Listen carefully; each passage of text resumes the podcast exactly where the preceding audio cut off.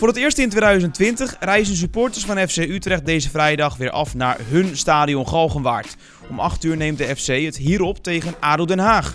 Een voorbeschouwing op dat duel, een terugblik op drie eerdere duels van dit kalenderjaar en meer vandaag in de FC Utrecht Matchday podcast. Dick, daar zijn we weer. Nou, inderdaad Cornelius. En we hebben er weer een uitgebreid scriptje op losgelaten, want we hebben genoeg om, uh, om door te nemen, denk ik. Ja, is er iets waar jij uh, deze podcast mee, uh, ja, mee wil beginnen? De eerste van 2020. Ja, nou laten we beginnen bij het begin. En dat is wat mij betreft het trainingskamp van FC Utrecht. De ploeg is naar La Manga geweest. Daar weet jij een stuk meer van trouwens dan ik, dus daar gaan we het dadelijk over hebben. Maar daar in Spanje werd de basis gelegd eigenlijk voor de tweede seizoenshelft, voor de beslissende fase van het seizoen. Zo mag je dat dan, mag je dat dan stellen. Er werd onder meer een wedstrijd gespeeld tegen Bayer Leverkusen. Die werd met 4-3 gewonnen. ik denk dat de meeste mensen die dit nu luisteren de samenvatting daarvan al wel hebben gezien. Zo niet, moet je echt even doen. Ga even naar youtube.com slash FC Utrecht en daar kun je dan zeven mooie goals uh, voorbij zien komen. Um, maar goed, jij was daar natuurlijk uh, bij, bij dat trainingskamp. Ja, klopt. Dus normaal gesproken ben jij eigenlijk degene die, die mij af en toe eens wat vraagjes toewerpt. Maar deze keer wil ik het toch graag eens omdraaien. Um, want ik wil het eigenlijk met jou eens even hebben over dat trainingskamp. Hoe, hoe is dat voor jou verlopen? Als je naar het buitenland gaat, um, hoe ik dat dan zien? je hebt daar echt een taak om, om de supporters maximaal te voeden met wat er daar gebeurt. Want ja, ik ben in dit geval hun verslaggever die daar op locatie zit. En die moet echt ja, eh, al hun zintuigen zijn. Ik moet ruiken wat er gebeurt. Ik moet, moet, moet zien wat er gebeurt. Ik moet horen wat er gebeurt. En dan moet ik proberen over te brengen in, uh, nou ja, in video-items. En dat, uh, dat probeer je op zo'n, uh, ja, hoe zeg je dat? Je probeert zo vaak mogelijk en zo goed mogelijk probeer je met een item te komen. Dus uh, zowel kwalitatief als kwantitatief probeer je een hoog niveau te halen. Mooi gesproken, ja. Corné. Maar, maar in de praktijk, ehm, die ploeg die zit de hele week in een hotel. En, en voor spelers komt het volgens mij vaak neer op ontbijten. Eventjes laten intapen, laten verzorgen, trainen. Dan weer even een maaltijd nuttigen, dan even wat rust pakken. Uh, dan weer het nieuwe uh, behandelgebeuren voor de volgende training. Dan wat eten en dan s'avonds even de rust pakken en laten, laten behandelen en zo. Hoe, hoe ziet zo'n kamp er dan voor jou uit? Hoe zien jouw dagen eruit? En, en die spelers zitten in een hotel, waar ben jij dan? Ja, eigenlijk uh, is het wel leuk hoor. Het verschilt ook een beetje per trainer. Hè. Soms heb je een trainer die aangeeft van... oh, je, je mag redelijk dicht op de groep zitten. En bijvoorbeeld uh, John is, is redelijk vrij. Die, die vindt het goed als, als wij als media crew ook, zeg maar... redelijk dicht bij de groep zitten. Uh, en ja, wat ik eigenlijk probeer te doen... is iedere dag te kijken... wat is het programma... En hoe kan ik mij daar zo, zo nuttig mogelijk in maken? Je hebt bijvoorbeeld de wedstrijddag. Dan weet je dat je eigenlijk met niets anders hoeft te komen dan alleen maar die samenvatting. Dat is waar supporters dan op zitten te wachten. Ja. Uh, dus nou, daar, daar, ga je dan vol voor. Maar er zijn ook dagen dat je ruimte hebt tussen de trainingen door bijvoorbeeld... om met jong talent te spreken. Dat is natuurlijk bijzonder voor die jongens. Um, het is ook natuurlijk zo'n scenario zie je dan voor je van... Hè, jij spreekt dan in Spanje met ze... en vijf of tien jaar later dan spelen ze in een topcompetitie. Dat zou natuurlijk... Nou ja, bijvoorbeeld, ja. Het, het, het ideaalplaatje zijn. Uh, en je, je kan bijpraten met de trainer... Uh, je, ook tussen trainingen door bijvoorbeeld. En zo probeer je iedere dag met één item te komen. Maar ja, je weet wel dat je uh, heel hard moet doorwerken. Uh, want anders komt dat item echt nooit af. En uh, want die dag die, die vliegt echt voorbij. En je hebt die, die trainingen waar je altijd bij wil zijn met, met, met camera, met microfoon. Voor stel je voor dat daar leuke dingen gebeuren. Dus doordat je er zo bovenop wil zitten, vergeet je soms de tijd uh, optimaal te benutten met bijvoorbeeld een montage of iets. Ja, nee, dat begrijp ik heel goed. En, en is er dan, je hebt natuurlijk soms nuttig contact met een speler of een trainer. Dan is het gewoon, dan ben jij de verslaggever en dan is die speler of trainer de geïnterviewde. Zijn er dan ook wel eens momenten tijdens zo'n kamp dat je, dat je informeel even een praatje met iemand maakt. En zo ja, zijn er dan bepaalde ja, jongens naar wie je een beetje meer toetrekt? Ja, dus je hebt wel, uh, uh, kijk in mijn geval, uh, kijk de Willem, Willem Janssens en de, de Mark van der Marels van deze wereld, die hebben al zoveel kampen meegemaakt en die weten helemaal hoe dit verloopt. Ehm, en je merkt ook wel dat er jonge jongens zijn die het ze zullen het misschien niet zeggen en ik ga ook geen namen noemen, maar ze vinden het echt wel spannend, heb ik het idee. En dan, uh, dan merk je wel dat ze echt informeel met, met, met een babbeltje komen en uh, best wel toenadering zoeken van, goh, hoe werkt zo'n item dan? En dat je soms bij wijze van met je laptop op schoot zit. En uh, ja, over informeel contact gesproken. de laatste avond, dat, dat, was dus na de wedstrijd tegen Leverkusen, ja, toen was al het werk gedaan. Maar ja, had je nog tijd over om wat leuks te doen. En toen heb ik nog een, bijvoorbeeld een potje Uno gespeeld met Adrian Dalmau, uh, met Tommy Santiago en met uh, Bart Ramselaar. Dus, Mooie samenstelling. Ja, een leuke samenstelling inderdaad. Uh, even kijken als ik het zo bekijk. Uh, uit iedere linie één. Ja. een verdediger, een middenvelder en een, en een aanvaller. Ja. ja. nee, mooi inderdaad. En iemand die meestal langs de lijn staat. Ja. iemand die langs de lijn staat, ook dat nog inderdaad. Dus er is wel ruimte voor informeel contact. Maar uh, het verschilt echt per speler hoor, moet ik zeggen. Sommige jongens die, die zijn, zijn gewoon iets... ja, die, die hebben, zoeken iets meer toenadering. En, en andere mensen ja, iets minder. ja. Hey, en uh, dan kwam je ook nog een oude bekende van jou tegen. Die was in hetzelfde complex, geloof ik, op trainingskamp met zijn huidige team. Uh, dat, was wel, dat leverde ook een heel leuk item op, vond ik. Ja, Lucas Gurtler. Ja, dat is, dat, dat is echt fantastisch. Want uh, we weten natuurlijk allemaal hoe hij bij, uh, bij Utrecht wegging. hij speelde de, de play-off finale, speelde die nog had hij eh, onder advocaat een rol op het middenveld. En was echt een, een, een, hele harde werker. En in de zomer had hij natuurlijk besloten, uh, ik moet Utrecht verlaten, want ik wil spelen. Nou, dat vertelde hij ook in, uh, in La Manga. Dat, die speeltijd in Zwitserland bij uh, Sankt Gallen. Ja, Sankt Gallen. Die, die speeltijd die, die heb ik gekregen. Maar het, het is wel heel apart, want je moet je voorstellen die Lucas Gutler stond letterlijk een jaar daarvoor op hetzelfde trainingsveld met FC Utrecht. En nu komt hij weer in La Manga, dus dat maakt het, maakt het nog, ja, nog gekker eigenlijk voor die jongen. Ja, een echte flashback. En je zag gewoon hoe hij telkens om zich heen keek en, en hoe hij bezig was met... Hé, dit kan haast niet waar zijn. Ja. Uh, ja, het was heel, heel opmerkelijk. Weet je, het idee wat je hebt ook als een speler hier op bezoek komt terwijl hij nu voor de tegenstander voetbalt. Jessin Ayoub bijvoorbeeld was, deed dat met Feyenoord. Dat je, uh, Ayoub is wel wel honderd keer de thuiskleedkamer binnengelopen. Maar dat je dan ineens naar die uitkleedkamer moet. En dan beseft van, oh wacht, ik sta nu aan de andere kant. Ik had ook een beetje dat gevoel bij, um, bij Lucas. En uh, dat hij mee wilde werken met zo'n item, dat maakt het natuurlijk helemaal super, super tof. Ja. En toen dachten we ook nog van, nou, hebben zij dan een uh, hoofdcommunicatie of iets? Maar dat, dat ging super laagdrempelig. Ja, mooi Dat toch? is echt van, nou ja, kom maar naar ons, uh, naar ons appartement, ja, complex waar wij deze week verblijven. Dat was op vijf minuutjes afstand met, met de auto. En toen hebben we daar bij het zwembad inderdaad met ja, een mooie achtergrondsetting hebben wij met, met hem bijgebabbeld. En vond, ja, vond ik super leuk. En hij vond het ook leuk. En uh, hij vroeg natuurlijk om een shirt van Mark van der Marel. Had hij op Instagram om gevraagd. Op uh, een reactie op ja, een, een bericht, ja. een post van FC Utrecht. Nou ja, dat shirt van Mark van der Marel, dat, uh, dat konden we hem overhandigen. En ja, blij dat hij was. Oh. Ja, mooi. Ik ben benieuwd waar het nu hangt. Zou het boven zijn bed? Zou ja, nou ja, ik, nee, ik, ik, ik ken mensen die uh, in hun gang allemaal voetbalshirts. Oh, uh, oh, ja, die mensen ken ik. ook een mooie plek ervoor. Ja, ja, ja die hebben de hele gang zo vol in de, de hele ja. gang zo vol hangen. Oh, ja. Ik noem verder geen namen, maar. Uh... nou ja, misschien dat Lucas dat ook heeft gedaan. Ja, ja hey, tot slot, Corné, over het trainingskamp. Je hebt behoorlijk wat, wat items gemaakt daar. Um, als je er nu zelf op terugkijkt, welk item maakt jou het meest blij als je de, het eindproduct? Ja, dan val ik toch weer terug op die van Gutter. Ja, ja gewoon, uh, daar zit zoveel spontaniteit in. Uh, en, en zoveel, um, uh, ja, hoe zeg je dat, zoveel inhoud. En dat, dat vind ik zelf ook altijd wel leuk. Ja. Nu kan Lucas best wel goed reflecteren hoe zijn tijd bij Utrecht is geweest. Ja. En is die redelijk open. Nou, dat, dat vond ik het leuke. Dat hij, dat hij gewoon aangaf van... Uh, ja, ik, ik zat op de bank en uh, ja, met wie kon ik toen goed praten? Ja, met Mark van der Maren. Want die ja. zat toen ook relatief veel op de ja, bank. precies. Ja. Uh, dus dat soort verhalen, daar is nu ruimte voor. En kijk, dat, ja, dat kunnen wij natuurlijk niet... hoe zeg je dat? Leuk gaan brengen op het moment dat hij hier nog speelt. En op het moment dat de speler weg is... dan kan hij toch iets vrijer en luchtiger terugblikken op zijn, zijn tijd hier... en is een soort van hoofdstuk afgesloten. Dat, dat vond ik het leuke eraan. ja. Nou, beaam ik volledig. Dus uh, voor iedereen die nu luistert en het item nog niet heeft gezien, het is echt de moeite waard. Check even onze pagina op uh, YouTube en uh, zoek dat item op. hartstikke leuk. En Lucas, mocht je dit horen, veel succes hè, daar in de Zwitserse competitie.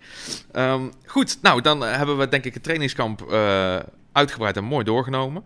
Um, en dan brengt dat ons nu eigenlijk weer terug bij waar we nu mee bezig zijn. Eredivisie, Toto KNVB, het volgt zich allemaal in heel hoog tempo op. De competitie begon natuurlijk voor Utrecht met een uitwedstrijd tegen PEC Zwolle. Die eindigde in 3-3. Een paar dagen later, voor mijn gevoel eerlijk gezegd, een vingerknip later, zaten we alweer in het Jan Lauwerstadion in Eindhoven. Waar na 120 koude en spannende minuten gelukkig we ook aan de goede kant van de score stonden in, uh, in die achtste finale wedstrijd van de KVB-beker tegen FC Eindhoven. Jij sprak met John van den Brom over um, die bekerwedstrijd. Uh, ik zeg altijd de manier waarop je wedstrijden speelt zijn voor mij alles bepalend. En ja, dat was vandaag gewoon uh, hartstikke slecht. En daar hebben wij uh, ja, niet, niet goed op geanticipeerd, denk ik, als team. om, om, het, om het hier veel sneller al in, in je voordeel. En ja, je mag met zoveel geluk spreken dat je hier doorgaat. Want ja, Eindhoven ehm, die, die vond ik ook niet groot, zo laten we dat niet. Uh, dus het heeft niks met, met hun te maken.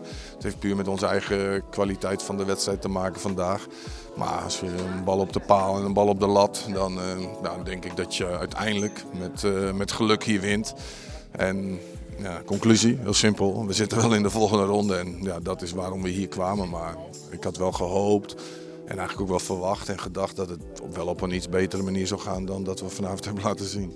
Inderdaad, Dick. En inderdaad, John. Het was moeizaam. En net zoals er wel eens geen tijd is om na te genieten van een wedstrijd, was er nu amper tijd om te banen van het wedstrijdverloop in Eindhoven. Want zoals gezegd, de focus ligt al volledig bij het competitieduel met ADO Den Haag. Qua feiten, Dick, ben jij altijd goed voorbereid rondom wedstrijden. Eens zien of de luisteraar dat ook is. Het is tijd voor Utrechts paspoort. Ja, kijk, en daar word ik blij van, Corné.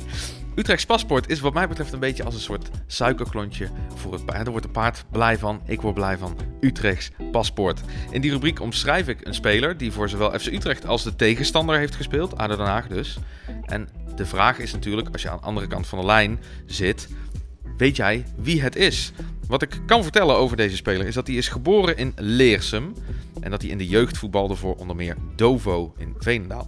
En Ajax in Utrecht was het, waar hij zijn debuut maakte in betaalde voetbal. Daarna speelde hij in Nederland nog voor de Graafschap en ADO Den Haag voordat hij op avontuur ging.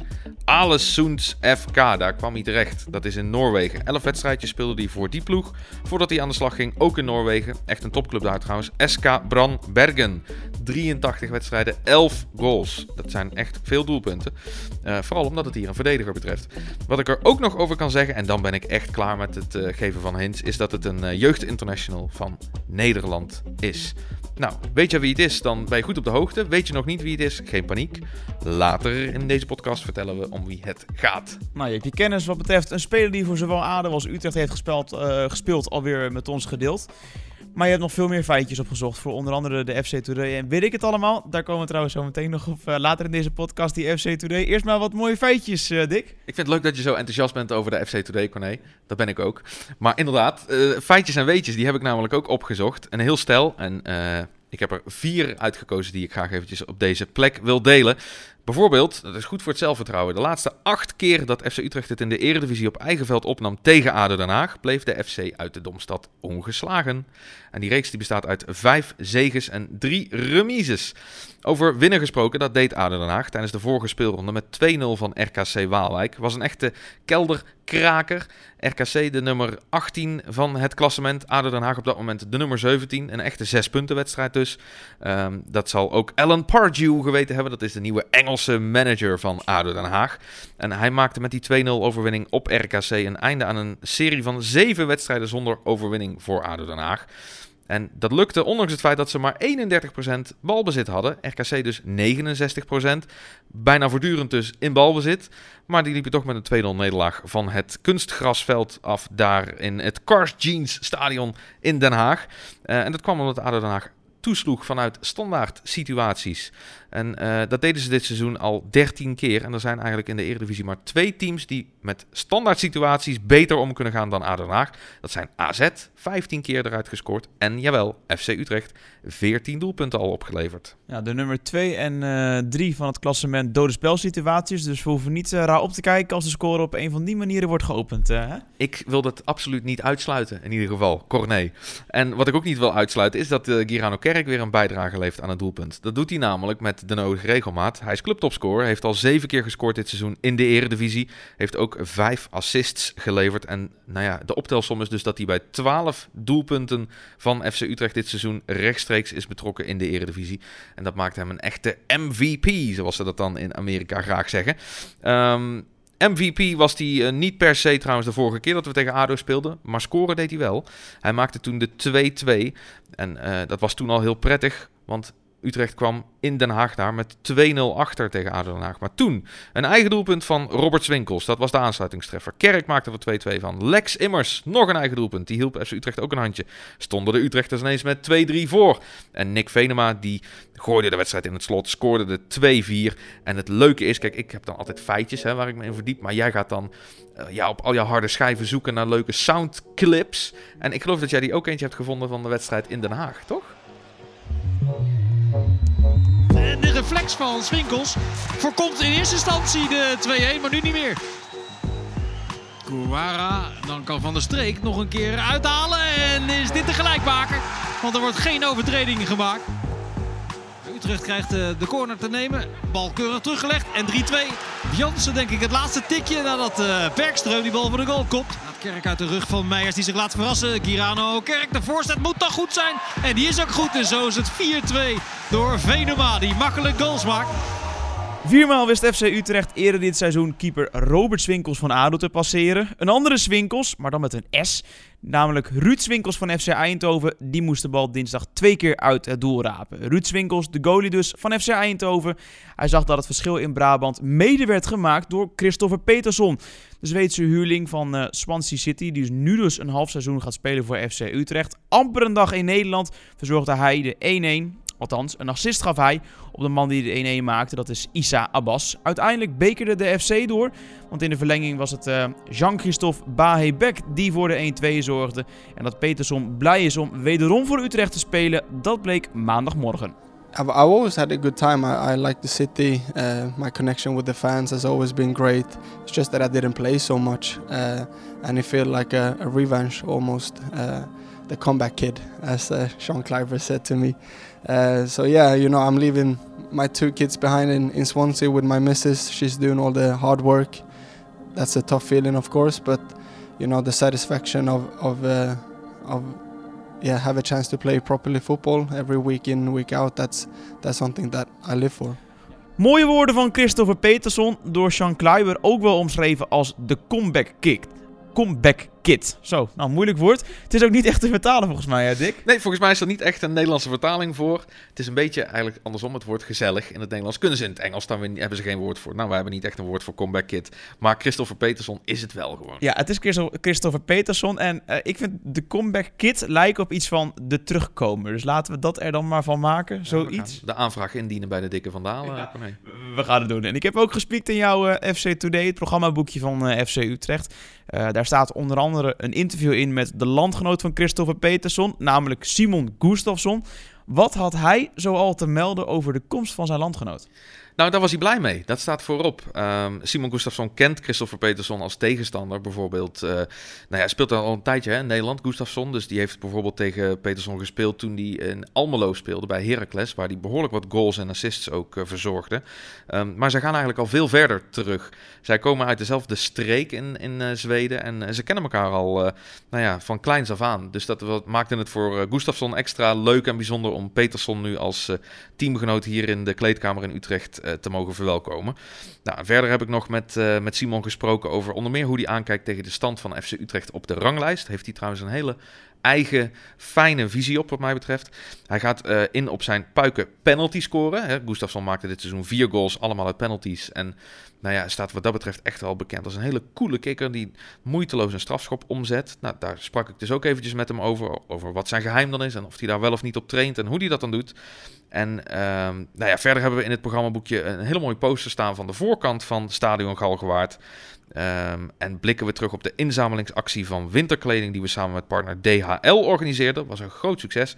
En je kunt in het boekje verder ook allerhande info vinden over bijvoorbeeld oudspelers die voor zowel Utrecht en ADO spelen, maar ook de huidige selectie van uh, ADO Den Haag natuurlijk. Dus pak zo'n gratis boekje even mee zou ik zeggen en uh, blader hem lekker even door. Je hebt het over die uh, inzamelingsactie van die winterjassen. Ik heb er zo toevallig ook eentje. Hè? Nee, ik heb geen schouderkopje ja, van wel, je, maar... Ja, wel goed bezig, voor nee. Hey, en met mij waren er nog veel meer eh, collega's ja. uh, op kantoor die, uh, die behoorlijk wat jassen uh, hebben ingeleverd ja. bij zo'n DHL-inleverpunt. Ja. Hoe succesvol was die actie nou, wat jij een beetje hebt meegekregen? Ja, die was enorm succesvol. Uh, het was zelfs zo dat we, uh, nou er ontstond geen paniek, maar er ontstonden wat zorgen over uh, de vraag, hebben we wel genoeg busjes eh, van de partij laten zijn voor deze enorme hoeveelheid kleding. Nou, dat is denk ik wat mij betreft uh, tekent dat eigenlijk de, de, het succes van de actie. Ehm, er werd echt enorm veel winterkleding ingeleverd. Inmiddels is die kleding ook op de juiste punten afgeleverd, zodat het weer bij de mensen, nodig, of bij de mensen terecht komt die het eigenlijk uh, hartstikke hard nodig hebben. En nou ja, stiekem werd er al een beetje nagedacht over een vervolg op deze actie komende winter. Dus nou ja, ook dat onderstreept eigenlijk wel dat, uh, ja, dat het initiatief gewoon hartstikke goed is, uh, is uh, ontvangen aan alle kanten van de lijn eigenlijk. Dus nou, dat is echt ja, hartstikke mooi om daar zo op te kunnen terugblikken, denk ik. Ja, ja in de mededelingen in deze FC Utrecht uh, Matchday podcast lig jij wel eens toe wat er zo al gebeurt op het uh, fanplein of hè, welke zone dan ook rondom het stadion. Nou ja, een aantal weken geleden dus een mooie actie met, uh, met de jassen die, die zijn ingeleverd. Wat gaat er nu zo al gebeuren bij, ja, bij de wedstrijd van ADO? Nou, het fanplein is er weer en dat is zoals altijd eigenlijk op het plein voor de Cityside. En Broekies Verhuur zorgt daarvoor onder meer Panna Voetbal, de Omhaal Arena en Voetbal Darts.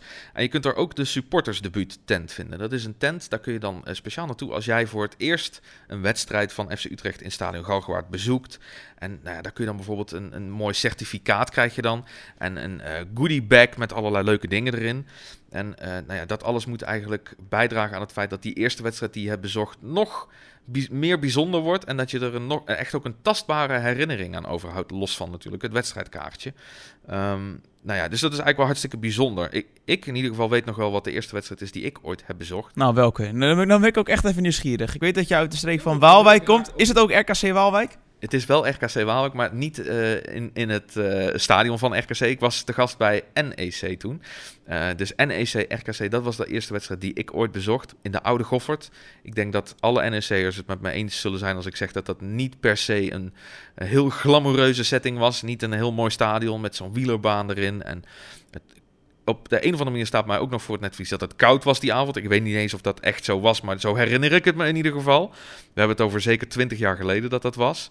Um, nou ja, en, en het was geen wereldwedstrijd. Ik was wel heel erg onder de indruk van de entourage, van allerlei mensen op de tribune die, die de kleuren van in dit geval NEC droegen en die van RKC. Ik was onder de indruk van het feit dat je live op zo'n bord, daar werden de tussenstanden van de andere wedstrijden weergegeven. Je moet je voorstellen, toen waren er nog geen smartphones. Dus toen kon je niet de hele tijd op je livescore app kijken hoe het bij andere wedstrijden ging. Dus dan keek je naar zo'n scorebord en dan zag je dat er gescoord werd in andere stadions. En ik vond het allemaal super bijzonder. En uh, ja, wat dat betreft onvergetelijk. En jij, Corné? Mijn aller, aller, allereerste wedstrijd en we hadden het op de gang al een heel klein beetje over. Dat is um, SC Heerenveen tegen Atletico de Bilbao. Dat was een oefenwedstrijd uit uh, 2004. De 7e van augustus. Nou, wat mooi. Nee, even gegoogeld hoor, wees niet bang. Maar het was een wedstrijd waar, uh, waar Heerenveen bijvoorbeeld speelde met uh, mannen als Petter Hansson. Nou, dat, dat is een, die kun je vergelijken, zijn status met die van Willem Jansen hier. Gewoon een, een betrouwbare centrale verdediger die heel goed, nou ja, Willem in het geval, uh, in zijn geval ligt bij de supporters. En ja. Petter Hansson, natuurlijk al lang gestopt, ja. lag. Uh, en Giorgio Samaras, dat weet ik nog, die moest toen nog uh, zijn doorbraak beleven bij Heerenveen. Griekse spits die uiteindelijk voor Manchester City en voor Celtic uh, onder andere zou gaan spelen. Uh, ja, die kwam er in het veld en die maakte volgens mij uh, nou ja, wat, wat ze dan noemen de eretreffer. Want het was volgens mij in de blessuretijd dat die goal viel. Dus uh, dat was mijn aller, aller, allereerste wedstrijd die ik ja, bezocht. Mooi toch? Nou, maar dat vergeet je niet. En, en daarom is het wel leuk, vind ik persoonlijk in ieder geval, dat we sinds een tijdje nou ja, zo'n zo'n zo'n activiteit eigenlijk hebben voor supporters die inderdaad hun debuut in, in het stadion maken. Want ja, het kan misschien op dit moment niet echt een mijlpaal lijken. Maar zoals wij hier nu zitten, we weten allebei nog wat die eerste wedstrijd was. En ik denk dat iedereen die nu voor het eerst een keer bij FC Utrecht komt, ja, over 30 jaar, als het er een keer over gaat op een verjaardag of zo, van god, wat was jouw eerste wedstrijd? Dan weet je nog van, ja, dat weet ik nog. Dat was, dat was ooit een keer op een vrijdagavond in januari. Utrecht tegen ADO. Ja, zo gaat dat. Ja, misschien zijn er ook wel mensen voor wie hun eerste wedstrijd er een was waarin de speler die we zoeken in Utrechts paspoort op het veld stond. Gooi hem er maar in. Verklap het maar. Wie is het? Nou, het kan maar zo dat dat zo is inderdaad. Het moet dan geweest zijn in het seizoen 2008-2009. Want toen speelde hij voor FC Utrecht. Zijn naam ga ik meteen verklappen nu. Vito Wormgoor. En Vito Wormgoor heeft hier dus uh, in Nederland gespeeld, in Noorwegen. Maar gaat nu aan de slag um, in een competitie die eigenlijk steeds uh, meer volwassen wordt. En daardoor ook steeds meer in trek raakt bij spelers die niet meer in de nadagen van hun carrière zitten. Maar echt uh, in de piek van hun loopbaan verkeren. Namelijk de Major League Soccer. Vito Wormgoor gaat spelen voor Columbus Crew uit Ohio. Dat is een club die is in 1994 opgericht. Als je dat in Nederland zou zijn, dan zou je een jonge vereniging zijn. Maar daar, eh, volgens Amerikaanse begrippen, is eh, Columbus Crew echt wel een, eh, een heel oude club. En eh, hij is niet de enige Nederlander daar in de kleedkamer. Eloy Room, die ken je misschien eh, ook nog wel, heeft in de Eredivisie gekiept. Keeper ook van het nationaal team van Curaçao, die, die speelt daar. En een Utrechter, namelijk Younes Mokhtar. Die is international van Marokko en eh, ook speler van Columbus Crew. Ja, over ehm, eh, de, de, de wormgoortjes, hè, want zo moet ik het eigenlijk, eigenlijk omschrijven. Leuk voor een reality show ook. Ja, de de wormgoortjes. De, wor- de wormgoortjes. Oh, ik wil geen RTL niet op bepaalde gedachten brengen, maar eh, nee, de, de wormgoortjes. jij hebt wel eens in de Worldwide dat je, dat je terugblikt op bepaalde spelers van Utrecht die hier hebben gespeeld. En wat doen ze nu? Dat is eigenlijk een beetje waar die rubriek voor staat. Ja, klopt, zeker weten. Via, eh, of te lezen moet ik eigenlijk zeggen op de website fcutrecht.nl. Maar daar komt ook wel eens zijn broer Nando voorbij. Die speelt tegenwoordig voor Kozakken Boys. In Werkendam, in, jazeker. in, in Werkendam, dus dat twee broertjes. Eh, maar als jij het over broertjes hebt, dan moet ik altijd denken aan bijvoorbeeld de gebroeders Thijssen, Jordi en Kenny. Ja, nee, eh, absoluut. Eh, het verschil wel met de, de wormgoortjes is dat eh, de Tysons wat lastiger uit elkaar te houden zijn. Tenminste, ik, ik kan bijna nooit met zekerheid zeggen wie nou Kenny en wie nou Jordi is. Mooie dingen. Broertjes die allebei actief zijn in eh, ja, wat het dan ook maar is. Het betaalde voetbal of het amateurvoetbal. We zijn alweer bijna aan het einde gekomen van de FC Utrecht Matchday podcast. Maar niet voordat we nog hebben geluisterd naar Mr. FC Utrecht. Dat is natuurlijk, tenminste natuurlijk, dat, dat vind ik tenminste wel. Ik weet niet hoe jij dat vindt, Dick. Maar Mr. FC Utrecht is op dit moment Mark van der Marel. Die weet dat het tegen FC Eindhoven niet top was. En hoopt op beter in het thuisduel tegen ADO Den Haag. Eh, ja, dat, dat brandt wel. En, en, en in de Galgenwaard vind ik iets heel... eh, überhaupt al, maar in de Galgenwaard vind ik het ook speciaal. En ja, ik hoop dat er veel mensen op afkomen. En eh, ja, dat kan voor een bepaalde magische sfeer eh, eh, zorgen. Ja, ADO heeft een nieuwe trainer. Hoe volg je dat? Zo'n Engelse, Engelse route die er in één keer in komt? Ja, nou, dat is wel bijzonder om te zien. Ik, ik ken Michiel Kramer, dus die spreekt af en toe ook nog wel eens. Daar hoor ik ook wat het een en ander van. Ja, daar is van alles gaande. En met spelers die komen, een andere filosofie. Inderdaad, een Engelse trainer met een grote naam in principe in de voetbalwereld. Ja, die dan ineens voor ADO kiest. Dus dat zijn allemaal bijzondere dingen. En eh, ja, goed, bij hun is het resultaat heilig. En eh, ze hebben afgelopen zondag eh, een, een resultaat gehaald. Eh, ja, daarvoor zullen ze ook komen hier in de Galgenwaard. Ja, wat alleen twee seizoenen geleden scoorde je aan de lopende band vanaf de linksback. Ja, ja. Dat kan dit Ja, net iets beter, hè? Maar toen ook begon het het tweede seizoen zelf. Dus als wij een deal kunnen sluiten dat het nu ook weer gebeurt, dan, dan teken ik ervoor. Ja, dat was Mark van der Marel. En Dick, aan het begin van de- deze podcast eh, draaide jij de rol een beetje om dat, dat ik werd geïnterviewd door jou eigenlijk. Nu draaien we de rollen ook even om en mag jij me afsluiten. Oei, ik voel de druk op mijn schouders, Corné. Maar dat was hem dan inderdaad. Deze eerste FC Utrecht Matchday podcast van 2020. We hebben teruggeblikt op het trainingskamp, nagebabbeld over onder meer het bekerduel in Eindhoven. We hebben de komst van Christopher Peterson de revue laten passeren. En natuurlijk hebben we het uitgebreid gehad over de wedstrijd van deze week, namelijk FC Utrecht tegen ADO Den Haag. Over twee weken, dan zijn we er weer. Dan hebben we aandacht voor een heerlijk affiche, namelijk FC Utrecht tegen Ajax. Wat een wedstrijd, ik heb er nu al zin in. Bedankt voor het luisteren, vergeet niet te abonneren en tot de volgende keer. Ah! Dat ging soepel.